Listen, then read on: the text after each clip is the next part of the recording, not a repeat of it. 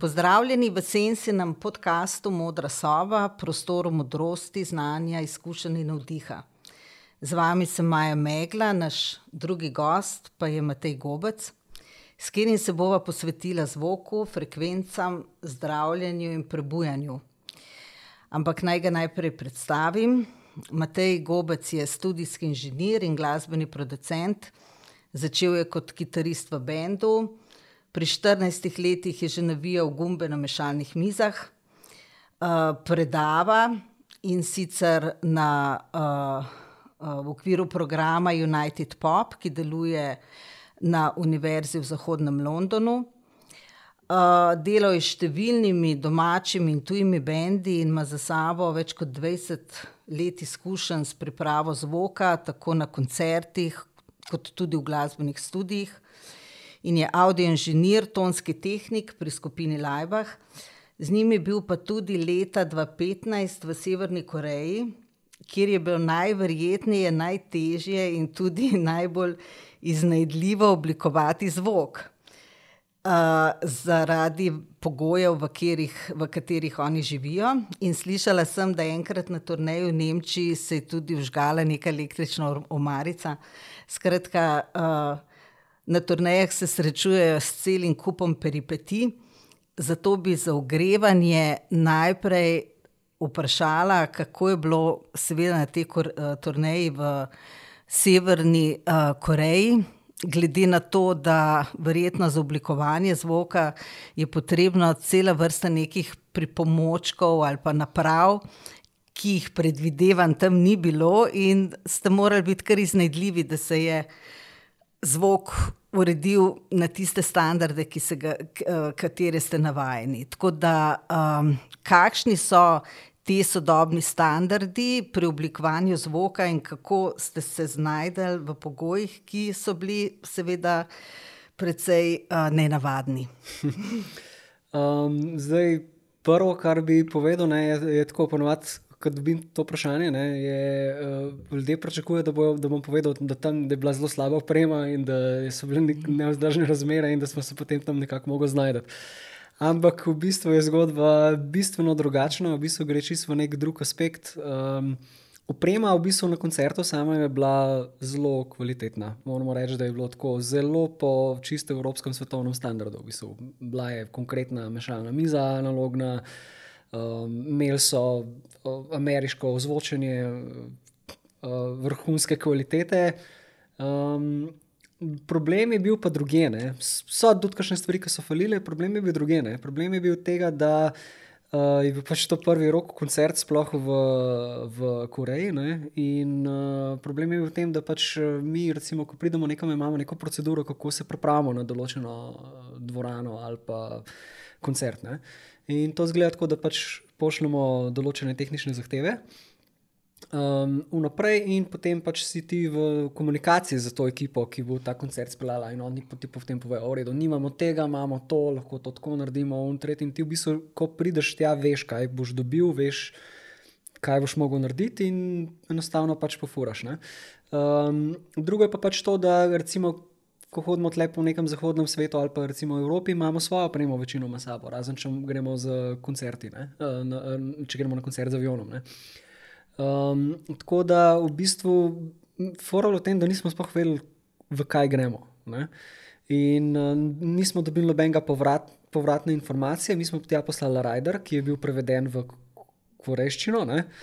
Kaj je to rider, da bojo Rider je pač, rider so tehnične, je specifikacija. Specifikacija, ja. Potrebuješ. Potrebuješ zato, da lahko izvedeš pač določen koncert. Od opreme, od, zvoka, od luči, inštrumentov in tako, ne. in, pač ker te informacije nismo dobili, smo v bistvu se pripravili na najhujše, ne. Kaj to zdaj pomeni, na najhujše? Na pomeni, da smo dejansko, mi naredili neko tako backup plan smo naredili, če bi slučajno tam šlo nekaj narobe. Recimo, da bi recimo neka klaviatura ne bi bila dosegljiva, ke jo mi rabimo, da recimo bobnov sploh ne bi dobili, ne, in v bistvu je bilo tako, da smo v Trbovljah posneli cel koncert in, smo potem ta koncert zmiksali in ga pripravili recimo v primeru, če recimo desna klaviatura na odru ne dela, imamo tukaj trek, ki bo od spodaj igral. Če obe klaviature ne, ne igrata, imamo ta. Ne? Tako da v bistvu cel koncert je bil v bistvu backupiran za primer, da bi recimo šlo tam nekaj zelo narobe, da bi lahko pač za kakršno koli situacijo problematike potegnili ven playback, pa bi v bistvu zadnji igrali uh, na recimo živo verzijo ali pa tudi kompletno na playback. Ampak na srečo. Tega ni bilo treba, tako da je bilo v bistvu izvedeno. Zdaj pa tako, ne? kako izgleda tam za tehniki komunicirati. Ta prvi sestanek je izgledal tako, da smo prišli v dvorano in uh, smo se usedli tam za, tem, za temi ljudmi, in uh, dejansko ti pač greš čez rajdro čez, in te korejci so samo kimaljaja, vse bo, vse bo, vse bo. Vse bo in naslednji dan, ko smo mi prišli tam, smo v bistvu ugotovili, da sploh niso štekali, kaj smo mi z njimi zmenili. Um, tako da v bistvu pri, priprava koncerta tega, kar mi ponovadi tle naredimo, recimo v parih urah, je tam trajala tri dni. Um, tako da v bistvu je bilo bolj igra, kako shvatiš ti, kaj ta ekipa pravzaprav dela. Ker tam je tako, oni, oni pač imajo neko kolektivno odgovornost. Ne? Oni so tako, ali so vsi krivi, ali pa pač niso krivi. Ne? In pač probajo zmerno nekako to odgovornost na vse ljudi razporediti. In pač priješ do tega, da imaš 30 ljudi na odru, ki vsak nekaj dela, pa noben noče v bistvu biti odgovoren za nič, zato da ne bi bili krivi, če bi šlo kaj narobe. Ne? Tako da ti moš potem nekako dojeti, kaj se najprej dogaja, in potem moraš v bistvu gledati te ljudi, kaj počnejo, zato da veš, sploh, kaj se dogaja in da viš, kje so recimo problemi. Potem pa, ko pride do problema, zgleda pa to tako, da moš ti to skomunicirati. In ti najprej skomuniciraš z nekom, ki go, govori korejsko, ne, se pravi, mi smo imeli prevajalko s sabo in potem ona to pove nekomu, ki je tam odgovoren za ekipo, in potem ta, ki je odgovoren za ekipo, pove določenemu v ekipi, in potem. Uh, in potem gre to čez telefone, in seveda tle se informacije zgubljajo vmes, in ker ne poznajo oni izrazov, recimo tehničnih, ne, ki so načeloma internacionalni, angliški. Uh, um, je to pač komplicirano, ker morajo mu razložiti, v bistvu, kaj ti misliš v obliki nekega izraza, ne, to prevedati. Tako da to je. To je bil tako uh, izziv. Um, je bil tak kulturološki, kulturološki podvig, izziv, podvig bil, no, z veliko potrpljenja. Ne? Predvsem potrpljenja, je. zelo veliko, zato ker, uh, ker z, mislim, če bi tako situacijo zagledal nekje v Evropi, bi ta prva stvar, ki je, bi, če bi bila tako slaba, kot je tle bila, bi dejansko lahko imel legitimen razlog, da znoriš, ne? pokličeš na svojega tour managerja, pa mu razložiš situacijo in skenslaš koncert. Ne? Tako bi to izgledalo pri nas, ali pa pač bi mu dal neke določene zahteve, gledaj, do tle morajo biti to, pa to, pa to, pa to in, in tako bi bilo. Ne. Tle pa, tle pa nasmešek na vrst, pa, pa v bistvu rešiti problem, ne, ker druge no, ni bilo. Ne. Je bila zabavna dogodivščina. Ampak vrnimo se k zvoku, recimo za dobrega sound inženirja. Uh, Tonskega tehnika, kako koli se vam reče. No? Kaj ti slišiš drugače kot jaz? Recimo, kje imaš ti nek večji diapazon ali pa čut ali pa senzibilnost, kot recimo jaz in drugi ljudje, ki se s tem ne ukvarjamo profesionalno. A to razvijaš, a imaš to že vse, zakaj um, gre? Čist, kar se tiče samega slišanja. Ne? Um, jaz bi rekel, da, da ni neke razlike med tem, kako slišiš ti, pa slišiš, slišim jaz. Ne? Razlika je samo v tem, da, da jaz znam um, recimo, razumeti, kaj slišim. Ne? Uh, in da znam razumeti, kako moj organ deluje v navezi z recimo, mojo psiho. Um, recimo, če po, povem primer, ne? ko ti prideš iz, recimo, ko greš v postojnsko jamo, ko stopiš noter, uh, imaš pač ti totalno temo. Ne? In takrat pač nekaj časa bo tvoj pač sistem rabo, da se bo navadil na to temo. Ne? In potem boš se adaptiral in ti bo ta tema v redu, se jo boš navadil. Ne? In ko priješ ven, spet je preveč svetlo, vse skupaj. Ne? In isto se v zvoku dogaja. Ti pač moraš razumeti, uh, da v bistvu se ti adaptiraš na določene zadeve. Ne? Tako da ti čez nekaj časa, ko delaš, ti lahko cel dan delaš na robe. Pa se ti bo zdel super, in potem v bistvu naslednji dan, ko prideš zjutraj v studio, boš ugotovil, da je čist memene. Se pravi, imaš čutno adaptacijo. Ne? Druga stvar je pa, in ta čutna adaptacija je pomembna, da jo ti znaš z njo delati. Uh, Um, druga stvar je pa to, da ja, imamo treniran v šest v smislu fokusa. Ne? Se pravi, jaz recimo lahko poslušam en detajl v, v, v, v muziki in sem lahko zelo sfokusiran na njega in točno vem, kaj slišim, ti pa pač mogoče ne boš tega znala locirati noter. Ne? Ampak to je v bistvu. Um, jaz bi temu rekel, da je to tako, kot uh, gled, če gledaš ti zdaj črke, ne, pa jih ne znaš brati, boš videla vse črke, ampak jih ne dojamaš. Ne. Zdaj, ko pa ti enkrat razumeš, kaj črke so, pa veš, kaj so potem besede, pa kaj ta neka celota potem deluje. Ne. Se pravi, analitično poslušanje. Um, Dej se pa to, da v bistvu s tem, ko ti analitično poslušaš ne, čez čas razvijaš to tendenco, da v bistvu vse analitično poslušaš, kadar greš na koncert, kadar poslušaš muziko. In um, na začetku, ko začneš z vokom delati, dobiš to neko deformacijo tega, da slišiš vsak detajl, ne? pol kasneje pa potem znaš preklapljati med detajli pa med celoto. Ne? In tukaj pa potem pride ta izkustvo, ko ti znaš celoto teh detajlov v nek smislu dati. Ne. Sam to je verjetno ta deformacija v vseh teh ustvarjalnih poljih, ne, tudi v literaturi. Tisti, ki smo študirali literaturo, jaz sem primerjalno književnost, uh, sem bila tako deformirana, da nisem več uh, uspela biti naivni bralec. To se pravi, nekdo, ki pade not v zgodbo in, in, in, in, in ga posrka. Mm. Uh, ni bilo več tega, ampak je bilo branje z distanco, in potem ne vem, kakšen lik bi spremenila, kakšen mu bi nekaj dodala. Tako v bistvu so ustvarjali zraven ne? in si v tem defo deformacijskem procesu malček. Ne? Ja, jaz mislim, se strinjam, to mislim, da gre načeloma za umetnost. Tako, ampak pride pa pol en zrel moment, ko ti v bistvu rečeš, ok, jaz bi to drugače naredil, ampak to je dobro. In tle pa pol pač tisto, kar je stvar neke osebne preference. Ne. Zvok je zelo. Mislim, v zvoku je tako. Ne, jaz pravim tako študentom, ki razlagam. Ne, vsak od vas bo čist drugače to zmiksu. In boste presenečeni, ko bom vam dal isti material, koliko drugače boste vi to naredili. Ne. Ampak bistvo je važno, da koncept pije vodo. Ne, se pravi, da, da celota, ki jo pogledaš, da ima nek smisel, da, da, da je prepričljiva. Ne. Mhm. Povej mi, Matej, zakaj ljudje sebe, svoj glas uh, tako čudno slišimo, ali pa nam je lastni glas celo od boja neprijeten. Kaj se takrat v možganjih dogaja? Mislim, dejstvo je nekaj. Ne? Um, recimo, ko sodelujem z ta, ta debata, je doskrat na pladnju z, z muzičari, ne? kako oni svoj glas dojamejo pevci, recimo, kvalitetni pevci, ki vsi, recimo, ki je vsem všeč njihov glas. Ne. Vsi ti ljudje pravijo, da jim je katastrofalno poslušati svoj uh, glas, ki ga slišijo enkrat na posnetku. Ne. Uživajo, ko pojejo, ne, ampak ko pa poslušajo svoj glas, jim je pa čistuj. In uh, večinoma ga ne marajo, ne? Um, jim ni všeč. Tudi meni, moj glas, recimo, ko ga slišim na posnetku, je grozen. Meni uh, men pa moj, uh, mislim, ne navaden, ne lagodno. Recimo, čutim nelagodje, ko, ko, ko naj bi samo sebe poslušala, ali pa zdaj le, ko govorim, ker mm. se zavedam svojega glasu, ker mm. se o tem pogovarjam, čutim tako telesno nelagodje. Ne? Mislim, v, v, v samem glasu, ne? zdaj, ko ti govoriš, ne? ko, pos, ko poslušaš to to z distanco, ne, takrat v bistvu tvoje telo dobiva vibracije. Ko pa ti govoriš, ne, takrat pa v bistvu tvoje telo vibrira, tvoje možgani, glava, ne, resonance se ustvarjajo čist drugačne. In ti v bistvu slišiš svoj glas, potem pa slišiš še zvok, ki je ustvarjen čez tvoje telo. Ne.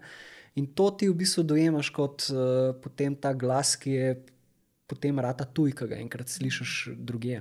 Zato je pač čuden, ker si sebe navaden slišati čist drugačne. In ta shift, ki se pa zgodi, je, je, je šok. Ne, v bistvu. Zdaj le bi se s tabo podala v eno od tem, recimo, rečemo temu prvi sklop tem o zvoku, in bi samo par takih zanimivosti navedla, zato mogoče, da nas naj bojo lažje sledili ne, v tem, kaj sploh je zvok. Uh, je mehansko valovanje, ki ima frekvenco in amplitudo. In zanimivo je to, da sliši človek v frekvenčnem obsegu 20 Hz do 20 tisoč Hz, in kar je nižje, sodi v infrazvok, in kar je višje, sodi v ultrazvok, to se pravi, smo nekako omejeni v, v slišanju. Uh, če zvok sestavlja ena sama frekvenca, se to imenuje ton, drži? Ja, pa ne čisto. Ja, pa ja. ne čisto. In da, ko se staramo, seveda izgubljamo to sposobnost zaznavanja uh, širine teh tonov. Ne? Tukaj sem našla eno zanimivo misel od Nikole Tesla iz leta 1942, kjer pravi sledeče: Če želite odkriti skrivnosti vesolja, razmišljajte v smislu energije, frekvence in vibracije. Se pravi, on je že pred stotimi leti zelo intuitivno zaznaval neko pot uh, razvoja znanja in človeštva. Um, To podajanje na pot frekvenc in zvoka kot nečesa, kar je material, iz katerega še nismo v bistvu razvili vse tisto, kar bi lahko razvili. Bova o tem še kasneje, recimo v smislu uporabe zvoka za zdravljenje in tako naprej. Ampak kaj tebi predstavlja zvok oziroma glasba? Uh, kako ti vidiš to kot material, zvok kot nekaj, kar seveda iz, iz katerega nastaja glasba, ampak lahko zvok tudi kot nekaj, kar uporabljamo za druge potrebe. Ja, mislim, tako ne. Dejstvo je, dejstvo je to, ne, da. Um, Pač jaz mislim, da zvok rabi novo uh, definicijo. Ne? Zato, ker definicija samega zvoka je pač koncentrično gibanje molekul atomov zraka, ki seveda ima svojo amplitudo, ima svojo frekvenco ne? in gre za neko izmenjevanje pritiska. Ne? Um, to je pač neka fizična, uh, fizikalna pač definicija zvoka. Ne? Zdaj, um, dejstvo je pa to, ne, da, da, da zadnji researchi kar so pač bili narejeni na tem zvoku, dokazujejo bistveno več. Um, dokazujejo v bistvu, da zvok nosi lahko tudi informacije, zapisane v, v neki svoji obliki, ne? zelo konkretne. Ne?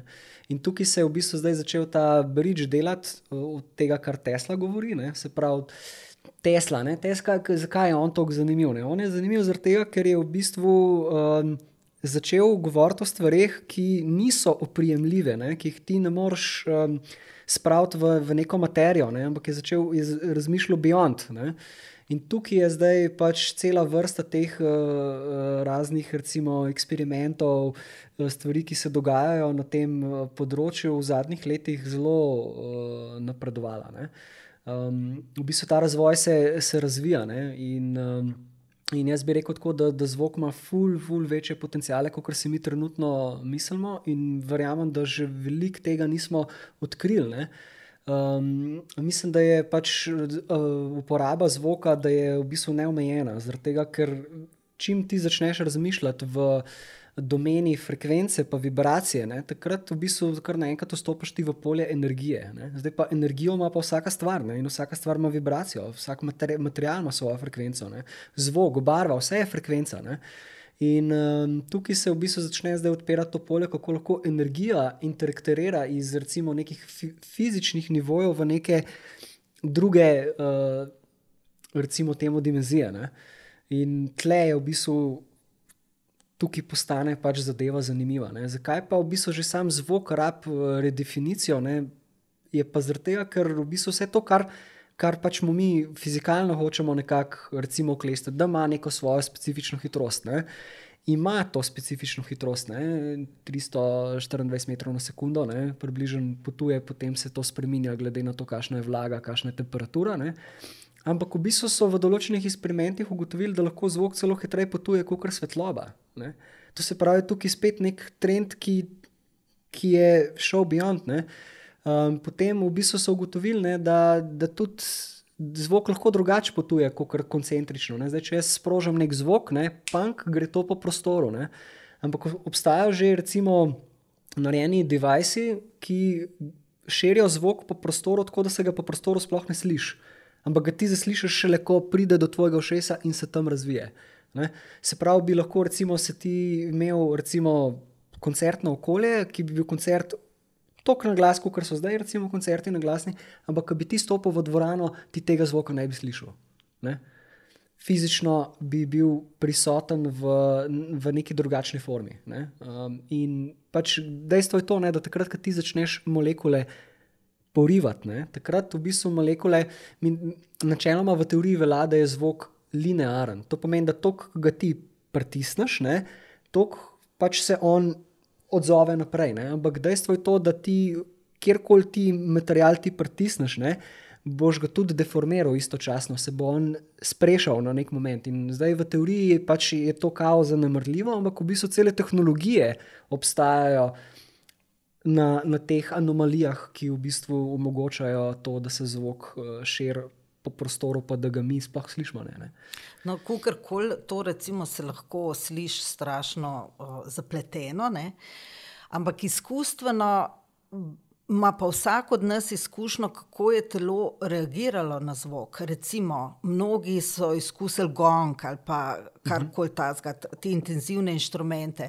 To celo telo zavibrira v želodcu, v, v, v notranjih organih. Uh, Reagirajo na tiste frekvence, zvok, karkoli prihaja, ali pa uh, vsi imamo izkušnjo, kako reagiramo na žalostinke, ali pa na kakšne bolj poskočne tone. Skratka, uh, zvok manipulira tudi naše razpoloženje. Seveda, mislim, bistvo je, bistvo je glih v tem. Zato je treba pač reči, da zvok nosi informacijo od zadaj. Zato, ker um, dejstvo je to, ne, da recimo, uh, so v študijih, ko snemam, ne, če recimo muzičar ni dober, do, dobrega vajba. Nima takrat, se pravi, se on ne počuti dobro, takrat, ko snema, to, se to čuti na muziki. Ne? Se pravi, mi dajemo noter nek svoj karakter, neko informacijo. Ne? Seveda imaš ti žalosten ton, vesel ton, durmol, ne? ki pove neko osnovo, ampak cel čas se tukaj v bistvu sporoča na nekem čist drugem nivoju emocij, se v bistvu dogaja glasba. Ne? In, in um, to glasbo mi čutimo, ne? se pravi, um, jo zaznavamo na nekem nivoju, ne? ki ni samo skozi zvok, ne? ampak skozi neko informativno polje. Ne? To, kar tudi kvantna fizika v bistvu v zadnjih letih uh, ugotavlja in tudi tehnologijo v to smer. Uh, kvantne uh, fizike uh, premika. Ali pa, ali pa če navedemo tega, ker vem, da to poznaš, Masarje Moto, ta japonski raziskovalec, ki je izdal knjigo uh, Sporočila vode. On je. To je tudi išla v slovenščini, tako da mnogi to poznajo, kakšni pa še ne. Uh, je um, zamrznil kristale vode, uh, ki jih je postavil zraven nekega zvoka. Ne. Ali je bil to recimo heavy metal, Bach in Mozart, klasična glasba, ali pa zamrznil uh, kristale svete vode ali pa neke take iz kanalizacije. Ne? In dejansko uh, so bili te kristali zelo različni, eni so bili svetli, briljantni, drugi pa taki z maski, zlovešči z maski. Ne? Tako da on je skozi te svoje raziskave dejansko pokazal, kako voda akumulira pač nekaj, ne? uh. -huh. se tukaj smo ljudje, precej uh, uh, okorni, ne? kako se izražamo, oziroma nimamo še te terminologije tako razvite, recimo informacijo, no? ampak uh, abs absorbira voda pač nekaj. Uh, kar uh, pač dalje vpliva recimo na človeka, glede na to, da so naša telesa 80% tam nekje no, sestavljena iz vode. Pa me zanima, kaj so tebi odprla uh, to vrstna raziskovanja, sploh glede zvoka. Um, zdaj, če pogledamo emota, ne, um, še nekaj treba povedati. Mm. On ni samo izpostavil zvoku, ne, on je tudi izpostavil napisanim besedam vodo. Ne, in je pač napisano besedo, da je vodo gor na njo. Ne, In tudi tle so se kristali spremenili. To se pravi, ne gre za neko samo zavalovanje nekega zvoka, ki pusti nek zapis, not, ne, ampak dejansko v bistvu gre za tukaj za zapisovanje informacije. Ne. In ni to noč, v bistvu ta sam podatek, niti ni tako pretresljiv, zaradi tega, ker kristali, silicijevi kristali, čipi, ne, um, kristali se zapisujejo v bistvu informacije. Ne, in to je naša tehnologija, novodobno, vsi kompjutori so iz tega narejeni. Ne. Tako da tukaj ni uh, neki novega v smislu tem. Ne? Ampak v bistvu um, zanimivo je to, ne, da. da um, da je ta voda, ne, ki jo je izpostavil, da je delala zelo, mislim, očitne, drastične spremembe, glede na to, kakšna, koliko je bila pozitivna informacija. Ne. In potem so to vodo, tudi uh, s to vodo, ki je, bila, ki je imela, recimo, bila izpostavljena pozitivnim besedam, ne, so potem zalivali rastline in te rastline so začele čisto drugače rasti. Tle je potem ta igra, ki se začne odvijati. Ne. In isto je za glasbo. Ne. Tukaj, um, ko pač ma, mi imamo neke zapise glasbe, ki sprožajo neko določeno agresijo. Ne.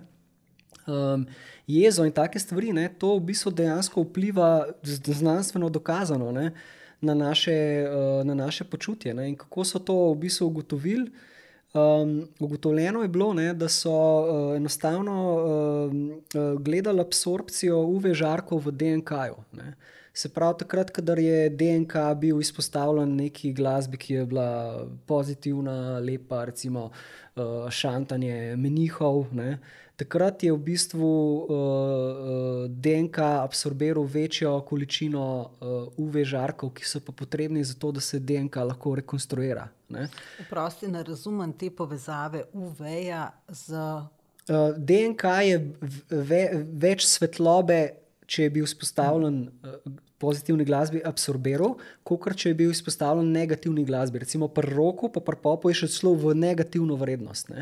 V, pri drugih, bolj pozitivnih zdajih se pa do, med 5 in 9 odstotkov dvigne absorpcija, pač, ki je potrebna za to, da DNK uh, um, pač se lahko rekonstruira. Ne. Ta drugi research, ki je pa pred, zdaj pred, pred leti bil narejen na tem nivoju, ne, je pa v bistvu.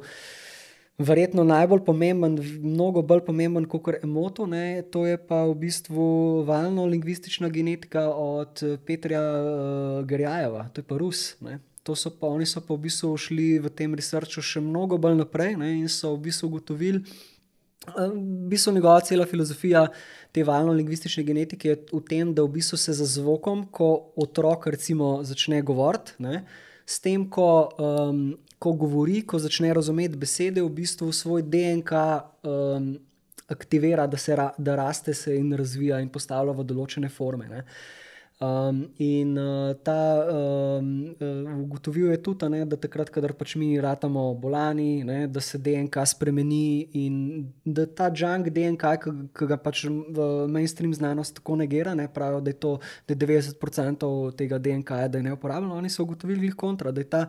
DNK ne samo, da je uporaben, ampak da, je, da, je, da se spremenja, da se spremenja glede na, glede na situacije in da se odziva na okolje. Ne.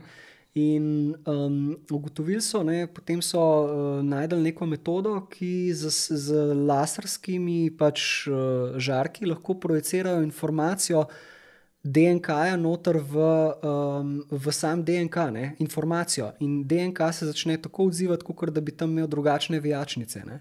In potem so šli še naprej v, v to točko, da so v bistvu začeli uh, pretvarjati to v zvok. In zdaj preko zvoka lahko v bistvu zapisujejo noter v DNK določene informacije. Imajo recimo primer, um, primer um, zdravja v, razno razne bolezni s tem, v Zagrebu imajo celo kliniko. In uh, se pravi, filozofija tega deluje pa nekako tako. Ne? Preden, preden si ti rado bolan, si imel tak pa tak DNK. Ne? Ko si zbolel, ko se je nekaj s tabo zgodilo, se ta pač DNK spremeni, ne? vrata neka nova realnost. Ne? In zdaj oni so najdel tehnologijo, ki lahko iz slike, ko si bil ti otrok, zdrav, ne? Poberejo to informacijo dol preko tega laserskega sistema, ga pretvorijo v vibracijo in potem naredijo. Recimo, eh, naredijo pač to frekvenco, ki jo lahko ti poslušaš v obliki zvoka, ali pa lahko poslušaš tudi preko, oziroma občutiš to preko um, nekega uh, elektromagnetnega um, generatorja. In DNK se dejansko začne postavljati v prvotno formo. Ne? In, uh, in dejansko ozdravijo bolezni. Imeli so recimo primer uh, tipa, ki je bil v prometni nesreči poškodovan ne? in so mu v hrbtenico obrizgali uh, te otroške celice. Ne? In potem so te celice programirali s, te, s to informacijo DNK in ta človek zdaj hodi to, ki je ta kvantna medicina šla na področju, recimo, konkretno zvoka naprej. To se pravi, on je dokazal, da to polje informacije obstaja, da se ga da, uh, da se ga da pač programirati ne? in da se da to celo na zvok aplicirati. Ne? To se pravi, v, te, v, tem, v tem polju lanske je bil predlagan celo za Nobelovo nagrado. Ne? V tem smislu ne, se mi lahko en, dva, tri predstavimo v to polje, o katerem je Tesla govoril, ne? kvantno polje informacij in, in frekvence, ne? kjer v bistvu realnost postane vibracija. Ne? To se pravi, lahko z frekvenco energijo vplivaš na konkretno na materijo. Ne? Ne, to so tako fascinantne stvari, da, da, da jaz sem usupla tako na tem, v kakšen zanimiv nov svet vstopamo skozi uh, raziskave zvoka, frekvenc uh, in valovanja. In to je tudi uh, zdaj neko drugo področje, s katerim sem mislila danes malo več s tabo podebatirati, uh, in sicer povezano z možgani, zato ker uh, v možganih poteka. Uh, tudi možgansko valovanje, se pravi, tudi uh, valovanje, ki ima neke različne frekvence.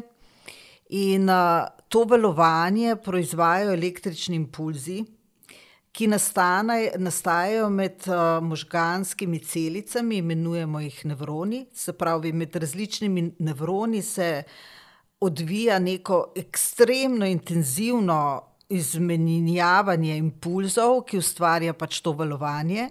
In to je vir naših misli, naših čustev, skratka, vedenja vsega.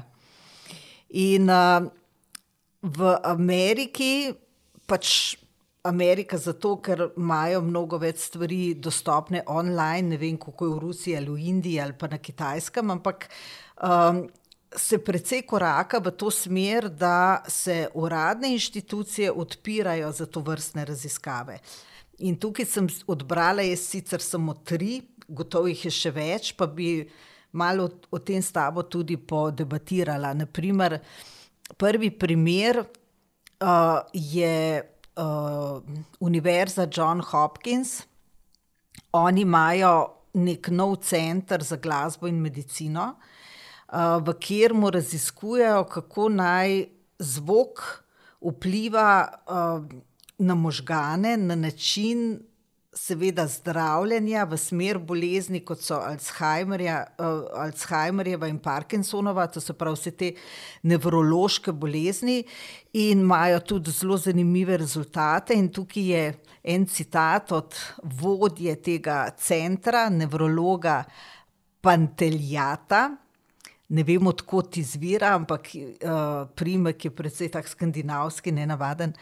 No, on pravi, vemo, da glasba aktivira različna področja v možganih. Nekateri trdijo, da poslušanje glasbe ali ustvarjanje glasbe aktivira več delov možganov kot katerekoli druga človeška aktivnost. Mislim, to je, seveda, imamo upravka z nečim izjemno mogočnim. Ne. Tako da um, me zanima, kako vidiš ti te stvari. No? Sej deloma si že to pojasnil. Tlevi predvsem izpostavlja en problem, ki ga ima pač ta znanost, pa recimo razni centri, kot je eh, John Hopkins in, in tako naprej. Če bi oni recimo se osredotočali na to, da bi to res imeli namen raziskati, pa to bi mogli začeti poslušati to, kar Garjajo povedal. Ne? In ker oni v bistvu vse to, kar oni hočejo narediti, je že naredil. Ne? In je, so te stvari že narejene, in, in se da s tem operirati, in se da s tem zdraviti, konkretno. Um, zdaj, kar se tiče pa samo tega, ne, da glasba aktivira te določene centre. Um, tukaj pa imam jaz nek zelo tak ezoteričen pogled na to, zakaj to deluje tako, kot deluje. Um, jaz pač sem čez svoje, čez svoje eh, se pravi, izkustvo, recimo svojega življenja. Ne, Um, izkusil različne stvari, ki so povezane z zvokom, od šamanizma in takih eh, recimo, stvari, ki so manj mečken bolj beyond. Ne. In um, cel ta aspekt ne, je spet povezan s to frekvenco, vibracijo ne, in je po povezan tudi predvsem z nekim dojemanjem nas samih kot bitja. Ne. Zato, ker takrat, ko, ko mi recimo kreiramo, ne, kaj, kaj, zakaj takrat se možgani aktivirajo, zakaj, zakaj je taka pretočnost nekih stvari. Ne? Pravi, če, če je na fizičnem nivoju neka pretočnost informacij ne, ali pa nek, nekega doživljanja, ne, to pomeni, da se nekaj več dogaja, kot v nekih specifičnih, drugačnih um, primerih, kjer so zadeve mogoče mečkaj bolj, recimo, temu racionalne, ne, um, levo hemisferično usmerjene. Ne. To se pravi, obstaja spet ta polje ne, energije, neke kvantne možnosti, iz katerega mi v bistvu črpamo ideje. To, kar je Tesla v bistvu govoril. Ne. In takrat, ko smo mi povezani z tem poljem, ne, kvantnim, o katerem je Tesla povedal, takrat se te pretoki toliko več dogajajo. In takrat smo tudi mi oglašeni z vesoljem. Tudi emoto je ugotovil, oni so tudi ugotovili, ne, da se DNK rekonstruira pri šumanovi uh, uh, vibraciji. Ne.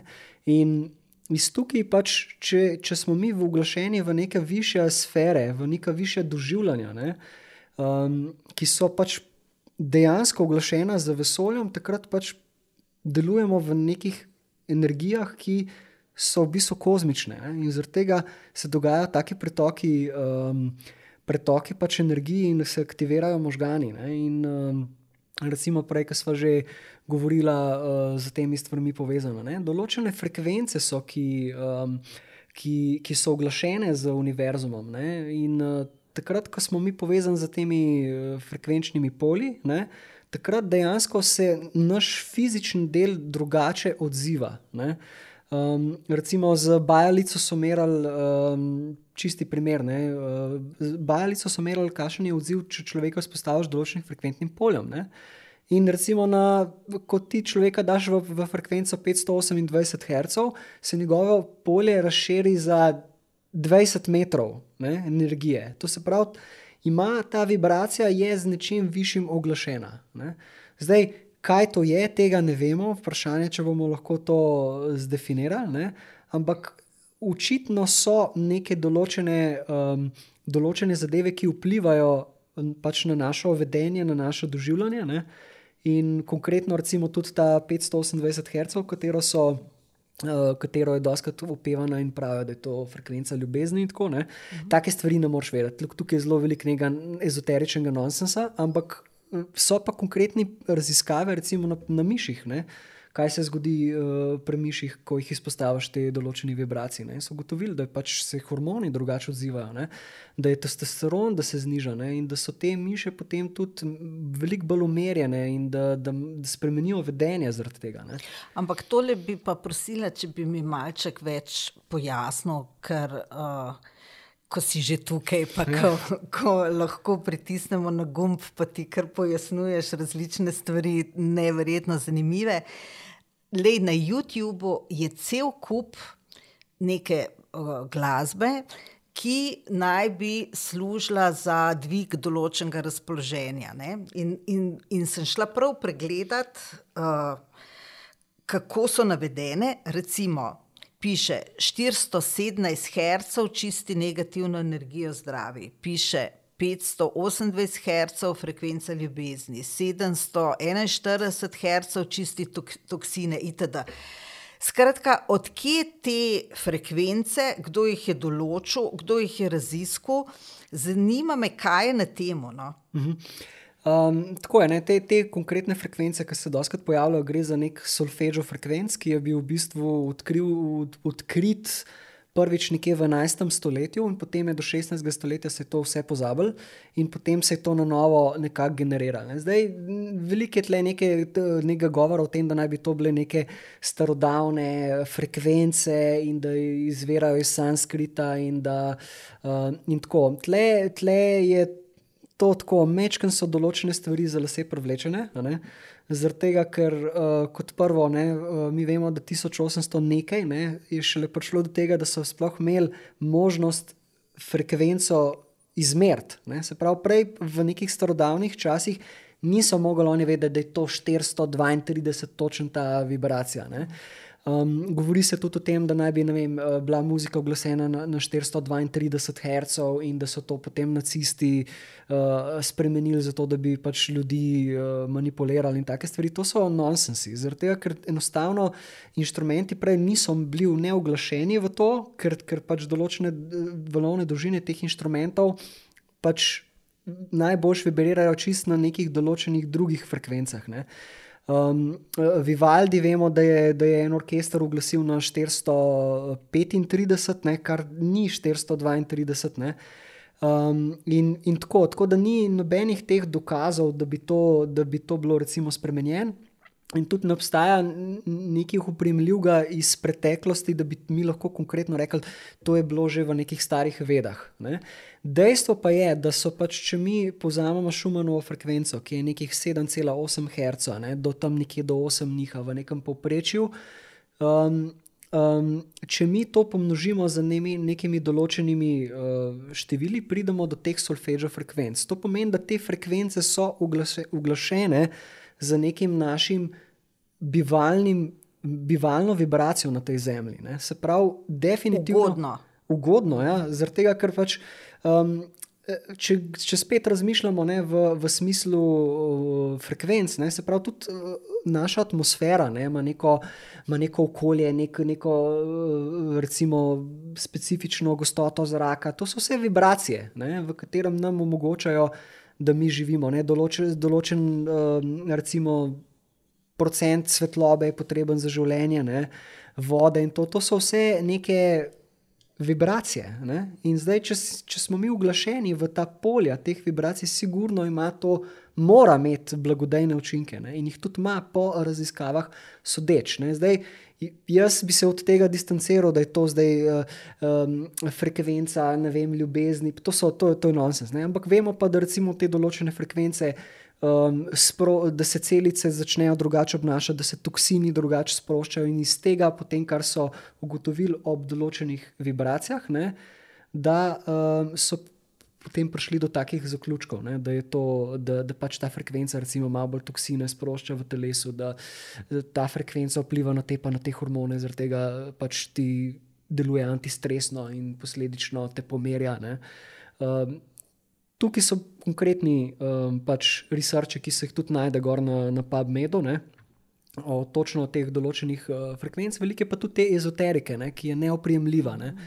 Uh, Bajalica še zmeraj priznana uh, v smislu neke mainstream zna, znanosti, ampak vse, vsak bioenergetik, ki bo človeka izpostavil te frekvence, bo lahko z bajalico videl, kakšen vpliv ima neka določena vibracija na, na to. Ne.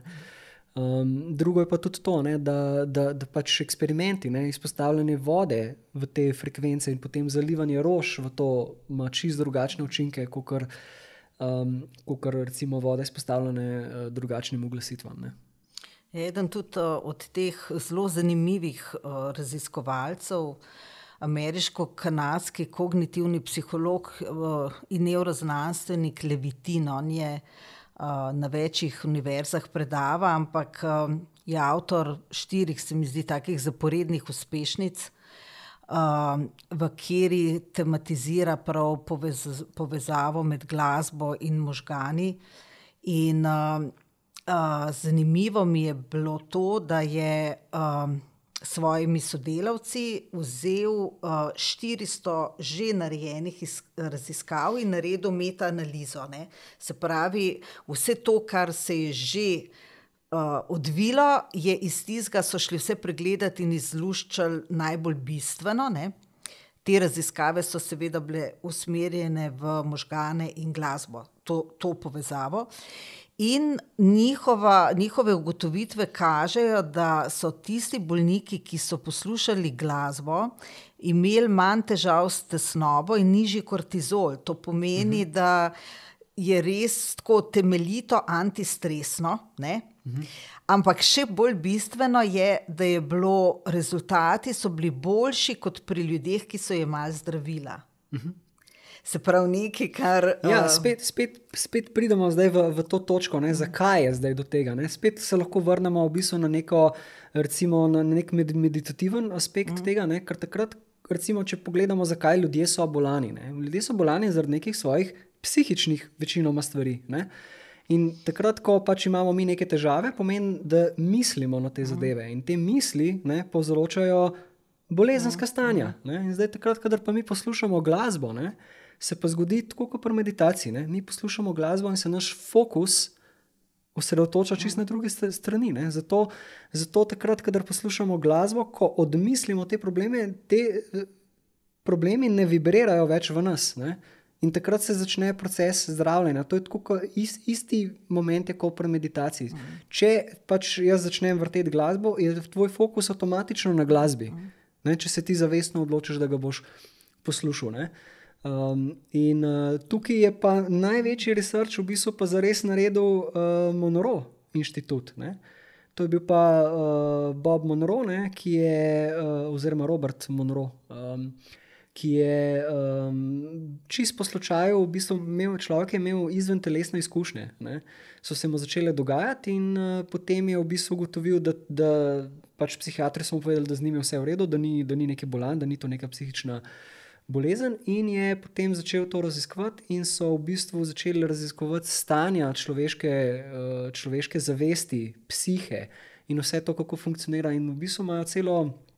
Um, metodologijo so patentirali in razvili, in ugotovili so, recimo, za primer, ne, da ima človek um, po njihovem 48 stan zavesti, med tega se mi kot človeštvo nahajamo v, v prvem ali počasih v drugem nivoju. Ne. In stvari, ki so jih razvili skozi to metodo, so od avtozdravljenja do um, do remote viewinga, ne, se pravi do, do nekih tehnik, um, recimo ekstra, obvladovanja ekstrasenzorne percepcije, kjer ti lahko dostopaš do tega spet isto informativnega polja, ne, vidiš lahko za stvari za nazaj, za naprej ne, in v bistvu razvijaš jasnovidnost. Ne.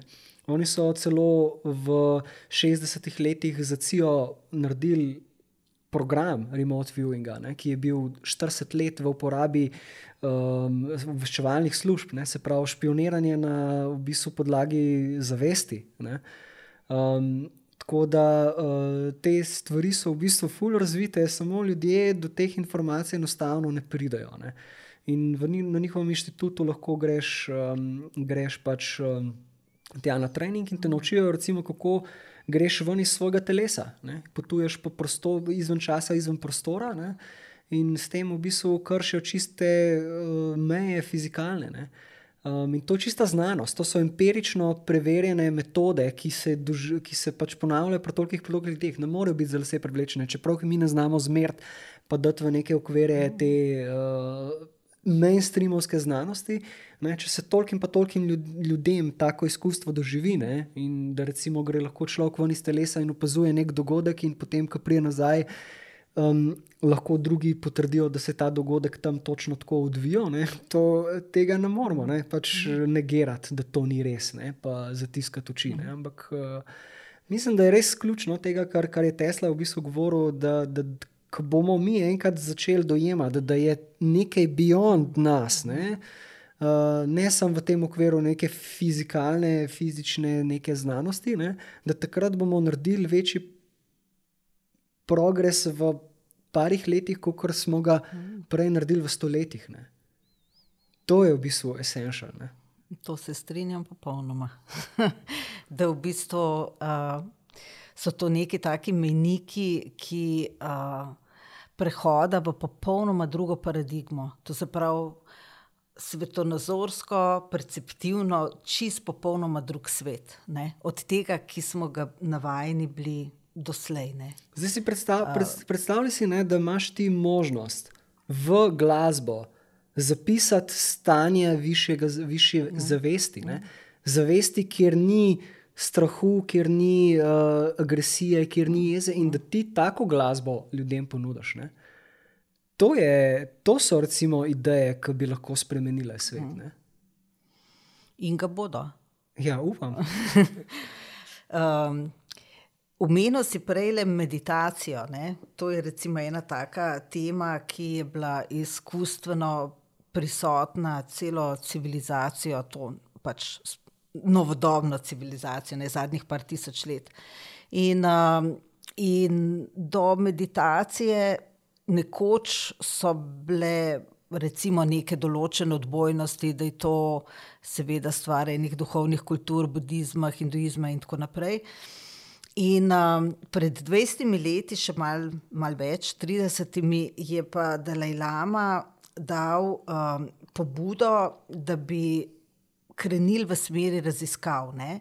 Tako da pol so se povezali neki južnoameriški in uh, severnoameriški znanstveniki začeli delati na tem, uh, ustanovili v Ameriki inštitut Mind, Mind and Life Institute.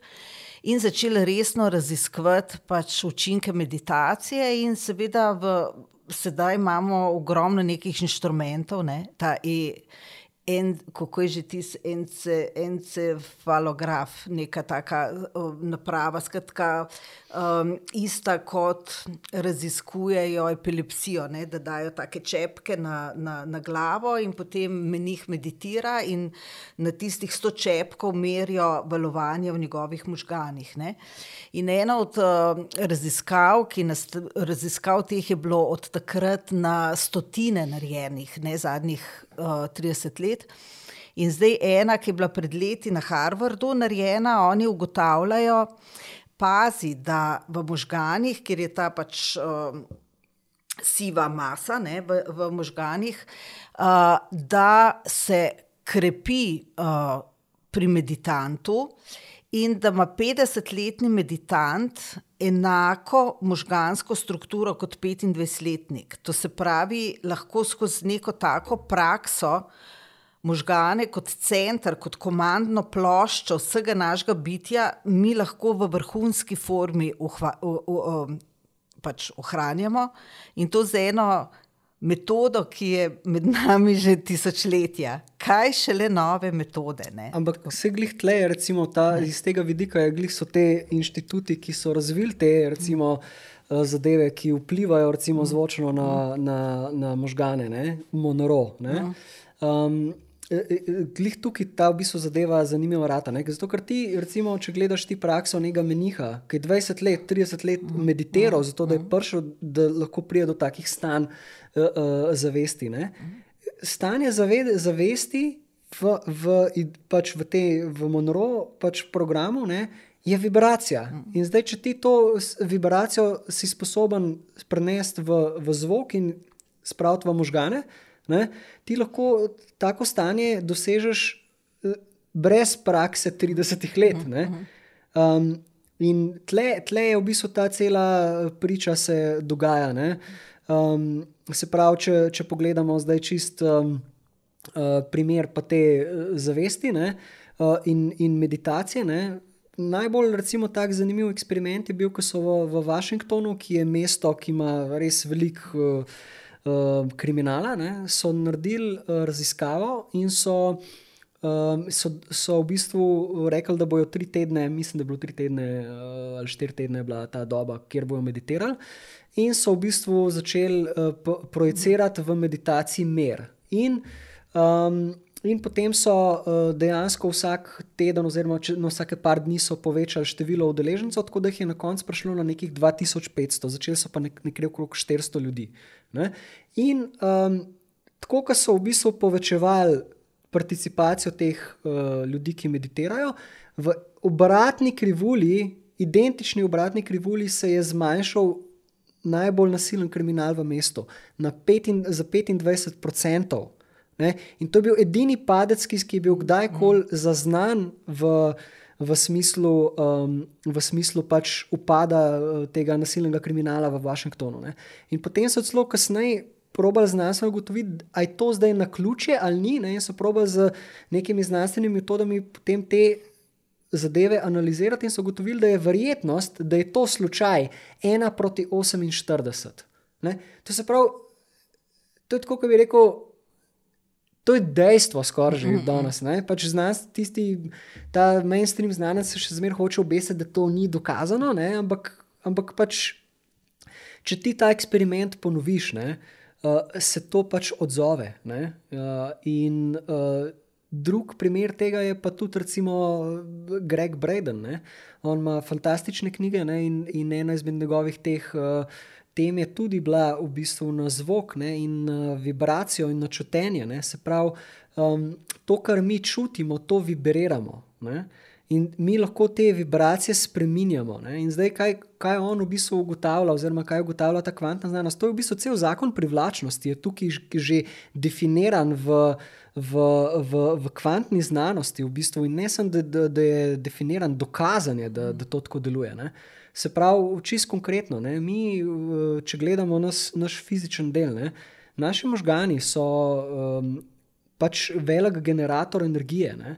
Ampak v bistvu srce je še večji generator energije. Ne? Srce ima, mislim, da 5000 krat večjo uh, magnetno energijo, ne? pa mislim, da 100 krat večjo električno energijo, kot celi možgani. Ne? In zdaj, kaj so oni ugotovili, mislim, kaj on v bistvu trdi, ne? oziroma ugotovili so, da, da ti lahko z nekim občutjem, ki ga generiraš, ne? z, z pomočjo nekega občutka. Ne? Zdaj, če govorimo o, o neki specifični stvari, ki jo hočeš manifestirati, o zdravitev, recimo raka. Ne, če ti v sebi si sposoben zgenerirati občutek, ne, ki, uh, ki, ki je občutek tega, da si ti zdrav, ne, bo to začelo v tvojem magnetnem, elektromagnetnem polju vibrirati. Ne. In če to vibrira v tvojem elektromagnetnem polju, ne, če gremo zdaj spet nazaj na fiziko, ne, ko mi, pa kemijo, ne, se pravi, ko mi um, spremenimo elektromagnetno energijo nekim atomom, ne, spremenimo materijo v bistvu. Ne, in kaj znanost danes ugotavlja, je tudi to, da ti atomi v resnici sploh niso trdni delci, to, kar so nam skozi nakladali, ne, ampak da so dejansko vibracija, da je vse skupaj samo ena sama vibracija. Ne. In to, so, to je on tudi potem dokazal, oziroma so dokazali v, na kitajskem. Ne? Že 20 let nazaj je to bilo dokazano. Ne? Dva človeka, ki, ki sta imela enormno sposobnost generiranja določenih občutkov, sta se zmenila. Ne? Da, ona dva, eno besedo sta si izmislila in sta rekla, ta beseda bo pomenila popolno zdravljenje te bolnice, ki ima tukaj raka. In potem sta v bistvu v petih minutah, ko sta govorila to besedo, sta zraven sprožila občutek, da je ona že zdrava, v petih minutah je tumor zginil. Evidentirano, znanstveno. To, to je bilo posneto. To je bilo da, posneto. Tako da ne? ni to nekaj zgodba. To ni Lari Fari. Ne? Um, in temu pač neko, nekomu to danes poveš, ne, da je to že 20-30 let nazaj bilo ugotovljeno, potem bereš študije, kako oni to zdaj neki probajo ugotavljati. To je v bistvu metanje peska v oči tistim ljudem, ki so do teh ugotovitev prišli in če bi bila ta znanost novodobna, oziroma mainstreamska, malo manj ignorantska, pa bi te ljudi poslušali, pa jih ne gledali za rezervo, ne, bi mi danes bili že odtle v lepem novem svetu. Ne. Ja, uh, veš, kako zvok je brezplačen.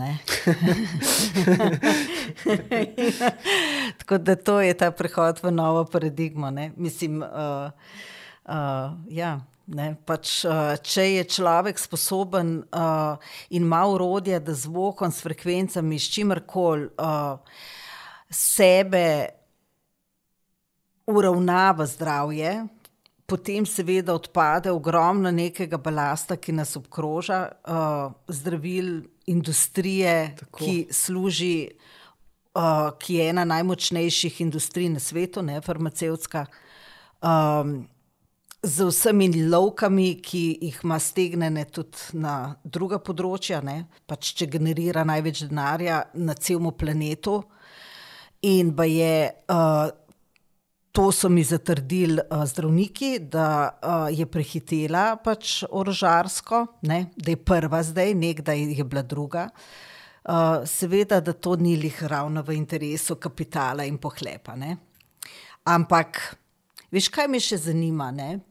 Uh, nekatere inštrumente zelo izpostavljajo kot inštrumente, ki so bolj zdravilni, recimo v smislu, da bolj harmonizirajo človeka ali karkoli. Um, recimo, ok, gong je taki, ki je res uh, zelo močno posebno, ampak potem so te tibetanske pojoče sklede in tako. Ampak lahko je konec koncev tudi zvok, verjetno je lahko kjerkoli inštrument. Um, ali pa kjerkoli zvok, kjerkoli um, uh, ja, kjer inštrument uporabljen v te namene. No, to me zanima, mal, ta spektr inštrumentov. Zdaj, pač, da, da mi čisto razumemo, ne? ko govorimo mi o določenem, recimo, tonu. Recimo, da violina igra ton A440 Hz. Ne? Najprej treba razumeti to, da to ni samo ton, ki ima 440 Hz, pika konec, ampak je to nek bazni ton, ne? se pravi, bazna vibracija, na katerem se pač ta oglasitev dogaja. Ta ton, ko violina igra, ima glih tako 400 Hz, 500, 1000, 2000, 3000, 3000 Hz. To je cel spektr zvoka, ki se tukaj dogaja. Ampak določen je pa tisti, ki je bolj izrazit in to je ta frekvenca, ne, v katero je uglašena zadeva.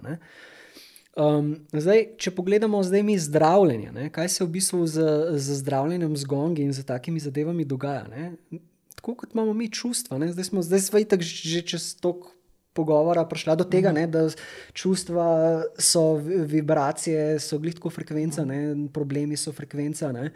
Um, takrat, ko pač mi igramo te inštrumente, ne, ki imajo moč, da grejo čez, čez nas, čez naš fizični del, ne, um, pridejo pač do teh določenih blokad, ne, ki, ki so v našem telesu. Ne. In s tem, ko pač jih vibrirajo, je to kot neka masaža, ki se sprostijo potem te.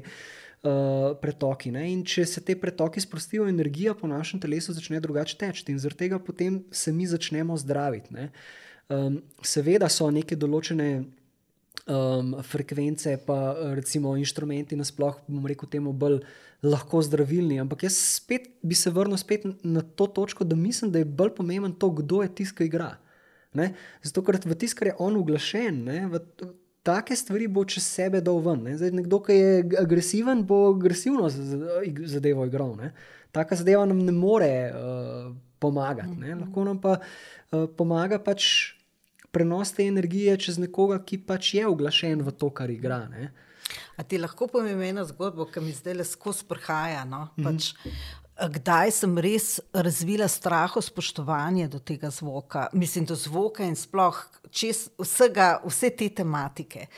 Uh, to je bilo pred vem, 25 leti, sem bila uh, v Dharamsali, uh, kjer so Tibetanci, in bil je nek obred.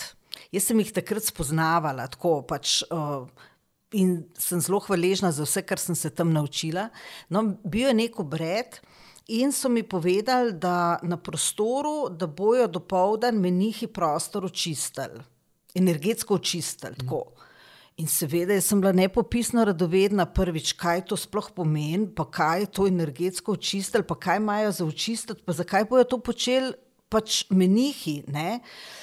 In tako in sem šla pač na ta prostor, kjer je bil ta dogodek, in vidim, da imajo oni inštrumente. Se pravi, privlekli so vse tiste njihove horne, pa rogove, pa pač vse to, kar, kar ropota. In so začeli z temi njihovimi puđami. Ne? Jaz poznam te puđe, sem jih tudi slišala prej. Ampak Matej, meni je postalo po desetih minutah tako slabo, da ne vem, če mi je bilo kdaj v življenju tako slabo. Od, odpihnil me je stran iz tega prostora, in uh, uh, izkustveno sem doživela, kaj to pomeni, ta na, na, energija namena čiščenja nekega uh -huh. pač prostora. In seveda, ker nisem menih in verjetno nimam še vedno ne razvite neke kapacitete, ki jih oni recimo imajo, pač nisem bila sposobna v svojem telesu kot bitje te frekvence pač akceptirati. Ne? In uh, je pač cela ta reakcija bila tako zelo, zelo dramatična. Ne? Tako da uh, od takrat naprej je bil ta prav strah, spoštovanje to ni hec, ne? to je mhm. še kako Res. so močne uh, pač zadeve in vplivi. Ne? Ampak še ena tema je, ki bi jo s tabo načela. Uh mhm. -huh. To so pa ti binauralni toni. Uh mhm. -huh. In bi samo par stvari navedla, da se bo zopet ve, vedelo, o čem govoriva. In sicer je uh, eden od začetnikov tega znanstvenega pristopa k zdravljenju uh, z glasbo je psiholog Budzinski, to je pač američan, ki je razvil biofeedback, to je uh, biološka povratna z, uh, zanka in on je uh, izvajal različne študije o učinkih teh binauralnih tonov na možgane. Binauralne tone je pa že pred stotimi leti odkril nek drug zra, znanstvenik. In sicer gre za interferenco, ki nastane v možganih, ko usmerimo naprimer, v en uho uh, 100 uh, Hz, recimo, ne? v drug uho usmerimo 120 Hz, in možgani, kot si mi danes uh, razložil, uh, slišijo tri enote, to se pravi ta realni zvok 100 Hz in 120 Hz, in tudi razliko med njima 20 Hz te nižje frekvence, v čem je finta zdaj teh binauralnih tonov, da so vse te nižje frekvence v možganih tiste, ki so take, da nas sproščajo, ali pa so določene frekvence, na katerih mi delujemo takrat, ko intenzivno mislimo, pa ustvarjamo. To se pravi, z zvokom, ki pride v naše možgane, lahko manipuliramo, da nas podpira v tem delovanju, če želimo se sprostiti ali pa če želimo biti aktivni. Ne?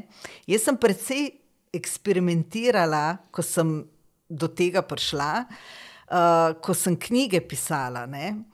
In uh, sem si pač dejala gor uh, različne vire te glasbe ne, in, in gledala, kako učinkujejo. In spomnim se še danes poglavja, ki sem jih uh, pač naredila, ker to je bilo eno samo veselje. Ne, A imaš ti kakšne izkušnje, da si kaj eksperimenti, eksperimentiral s temi binauralnimi ja, toni? Ja, imam, imam banke tega, kar nekaj imam tega materiala doma.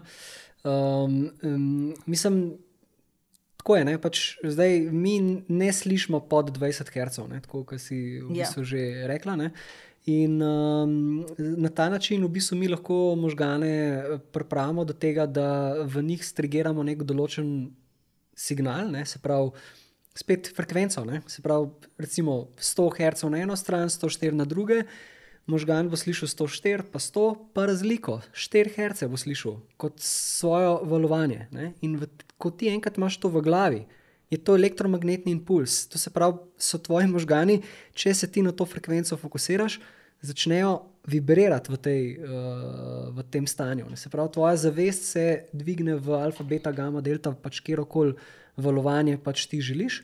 In iz tega valovanja pač ti lahko imaš ful velike benefite, ne? recimo za učenje, za pomirovanje, za fokus. Za in tako, in te, te inštituti dobesedno imajo, tako kot sem omenil, ta Monroe, imajo zelo hude programe in te tudi znajo potem s tem um, voditi čez proces, kako potem ti svojo zavest v bistvu uh, usmerjaš za to, da mhm. dosegaš določene cilje.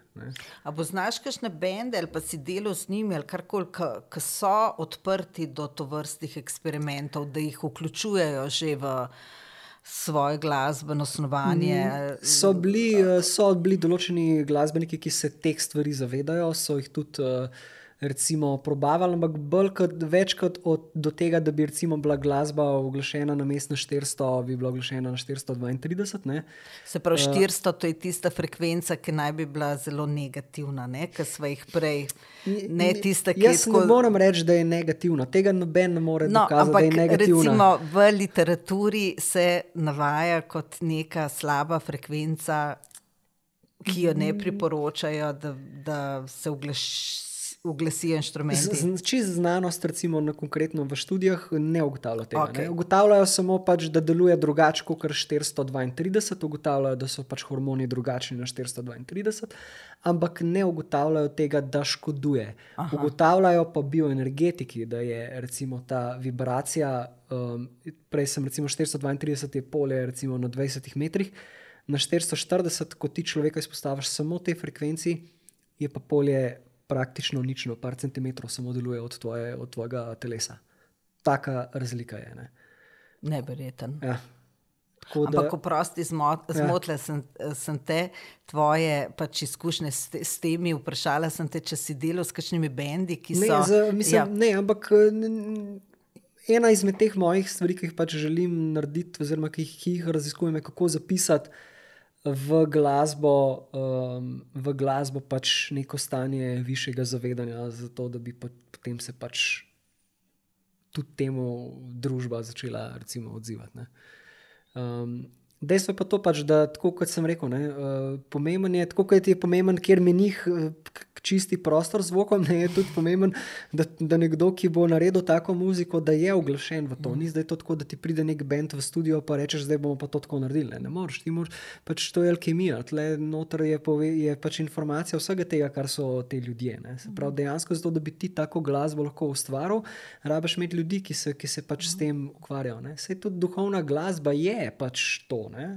Če gledamo te razne mantre in, in to, ki jih pojejo pač določeni mm. ljudje, ki samo to pač počnejo, to so čist druge vibracije, ki čist drugačne emocije sproščajo in čist drugače pač eh, glasba deluje na tvojo mm. psiho in na fizično. Zakaj pa ti misliš, da vseeno včasih tako paše, roken, tako en orang metal gor ne, na, in tako malo kaosa si narediti? Veš, pa pa zopet, seveda, zapaše nekaj drugega, umirjenega, harmoničnega. Zakaj? Zato, ker je to diversity. Kam pa bi bili, kam, kje, kje bi mi bili, če, če ne bi imeli diversity? Se ti moraš iti dol, zato da vidiš, kaj je pol gor. Ne?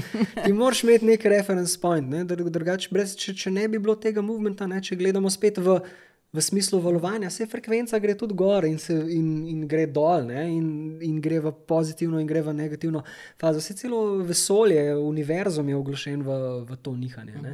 To je nek cikl življenja. In, in jaz bi rekel tudi tako, ne, da, da ni nujno zdaj, da je ta glasba. Um, razumeš, da je to zdaj slabo. Ne? Zakaj? Zato, ker gledaj, mi, smo, mi smo pač za razliko od živali, pa od rastlin, smo bitje, ki imamo zavest. Ne? Mi lahko ob določeni glasbi doživljamo, ki je lahko tudi grozna, neke nostalgične občutke, ki so nam ful lepi. Razumeš, in ima, in ima za, za nas ta glasba čist drugačen. Um, Predznak ima lahko recimo placebo efekt, če tako lahko poenostavimo. Druga stvar je tudi tako, ne, če gledaš ti neko negativno glasbo. Recimo, recimo vzamemo glasbo, ki ima res neko negativno not zapisano. Ne? Ampak pozameš človeka, ki je recimo, v tistem momentu še bolj v negativnem stanju. Ne? Se pravi, če gledamo emocijo, ne? recimo primer, emocije, sovraštvo ali pa žalost ali pa jeza. To so vse negativna čustva, ampak ena so bolj negativna kot druga. Ne? To se pravi, če ti ujameš človeka, ki je na nižji vibraciji, ne? čeprav je, je pač niz, nizka vibracija, ne? se ta predznak damo mi, kaj je zdaj slabo, pa kaj ni slabo. Ne? Se pravi, če ti vzameš recimo nekoga, ki je res v nizki vibraciji z svojimi emocijami in mu daš nekaj, ki je sicer višjo, više eh, postavljeno, ne? ampak še zmeraj negativno, se tega boš dvignil gor s tem. Je res? Seveda, to je, to pač je zakonitost tega. Ne? Viš, kaj jaz bolj tako uh, starejša, ker sem bolj opažen, da s, uh, razvijam neko strpnost in toleranco, ki nisem imela, ker sem bila mula. Sem, uh, takrat je bilo zelo črno-belo. Ali si bil za en bend proti drugemu, ali za neke kavbojke proti drugim. Ne? Nekako ta toleranca nekako raste, ne? samo od sebe. Zelo se veselim, ker uh, se neč namučam z njo. Ne? Ampak. Um, A veš, v tem vidim tudi to nihanje med negativnim in pozitivnim, ali pa med kaosom in redom, kot nekaj, kar je neobhodno. Ne? Recimo, ko ustvarjamo, kar je prečudovit proces, nastane na mizi precejšen kaos. Uh, in ko je ta proces dovršen, mislim, kaos, nered, papiri, ne vem, jaz imam ogromno nekih papirjev, knjig, to vse leži, to, to, to, to je ena sama nesnaga. In pa, ko je to zaključeno, je ta notranja potreba zopet ustvariti red. Ampak red je tok, red ni elastičen, v redu ni radosti, v redu ni, red je pač. Nekaj stabilnega, ampak to, togega in nezanimivega. In ga je treba zopet malo razsuditi in ga narediti živega, ne? ampak v tem razsutju tudi ne moreš biti dolgo, ne? treba pa zopet. Tako da vse je ok. Ne? Vse je ok, točno to. To, to je bistvo, da, da, da, da ta predznak, ne? Kakršen ga imaš ti, ne, da ti v bistvu to sprejmeš, da je to v redu. Ne. Takrat, ko ti življenje živiš na način, da, da, da, da jemliš to kot del življenja, ne, takrat je potem življenje lepo. Ne. Veš, kaj je še ena, samo zadnja, ker se mi zdi tudi dobro dati to informacijo naprej. Še eno področje, ki je tudi zelo pomembno, to je pa ta vagosni živec. Uh, frekvenca zvoka gre skozi uho in, v, in čez vagosni živec, dobesedno v celotno telo. Ne? In uh, zaradi tega, ker je pač uh, pomemben pri delovanju skoraj vseh notranjih organov, ta vagosni živec. Se pravi, če poenostavim, je z zvokom mogoče doseči vse organe v telesu z neko blagodejno masažo in jih seveda nekvrt spodbuditi ali kar koli. Uh, mi lahko kaj več o tem poveš? Mislim, jaz ne bi sploh rekel, da je to nekaj prav tako bi rekel fascinantnega, zato ker pač mi kot bitje ne, smo itak en. Recimo, temu katalizator, ne, oziroma uh, mi tudi z vidom, ne, pa z sluhom, pa z tipom, pa z čutenjem takšnih in drugačnih zadev, ne, vse to transformiramo v, v neko energijo in jo pretvorimo čez telo. Ne? Tako da, ja, pač vse, jaz bi, jaz bi temu dodal, da ima čist vse vpliv na vse. Ne, ne samo zdaj ta živc na organe, ampak vse tudi, kar je izven tega eh, živčevja in, in je povezan lahko recimo z drugimi. Um, z drugimi um, pač aspekti. Ne. Zanimivo je tudi to, ne, kar, kar so določeni uh, znanstveniki ugotovili. Um, je tudi to, da spet prihajamo spet do tega kvantnega polja. Ni vse v, v živčevju, pa v, v tem delu. Ne? Znanost je že zdavnaj dokazala, da se celice med sabo sploh ne pogovarjajo na, na živčnem nivoju, ampak se pogovarjajo na informativnem polju, ne? ki je konkretno za svetlobo povezan. Ne? Se pravi, to je. Um, Uh, neko stanje sintropije, ne, kjer pač te informacije med seboj pač potekajo. Ne. Tako da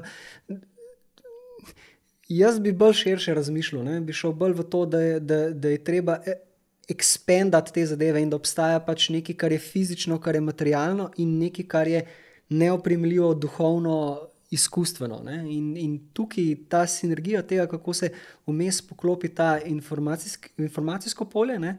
z fizičnim poljem, tukaj je treba v bistvu. Uh, iskati tisto, kar, uh, kar v bistvu potem vpliva na neko našo celoto, kot bitja. Ne? To si pa zdaj tako lepo zaključil.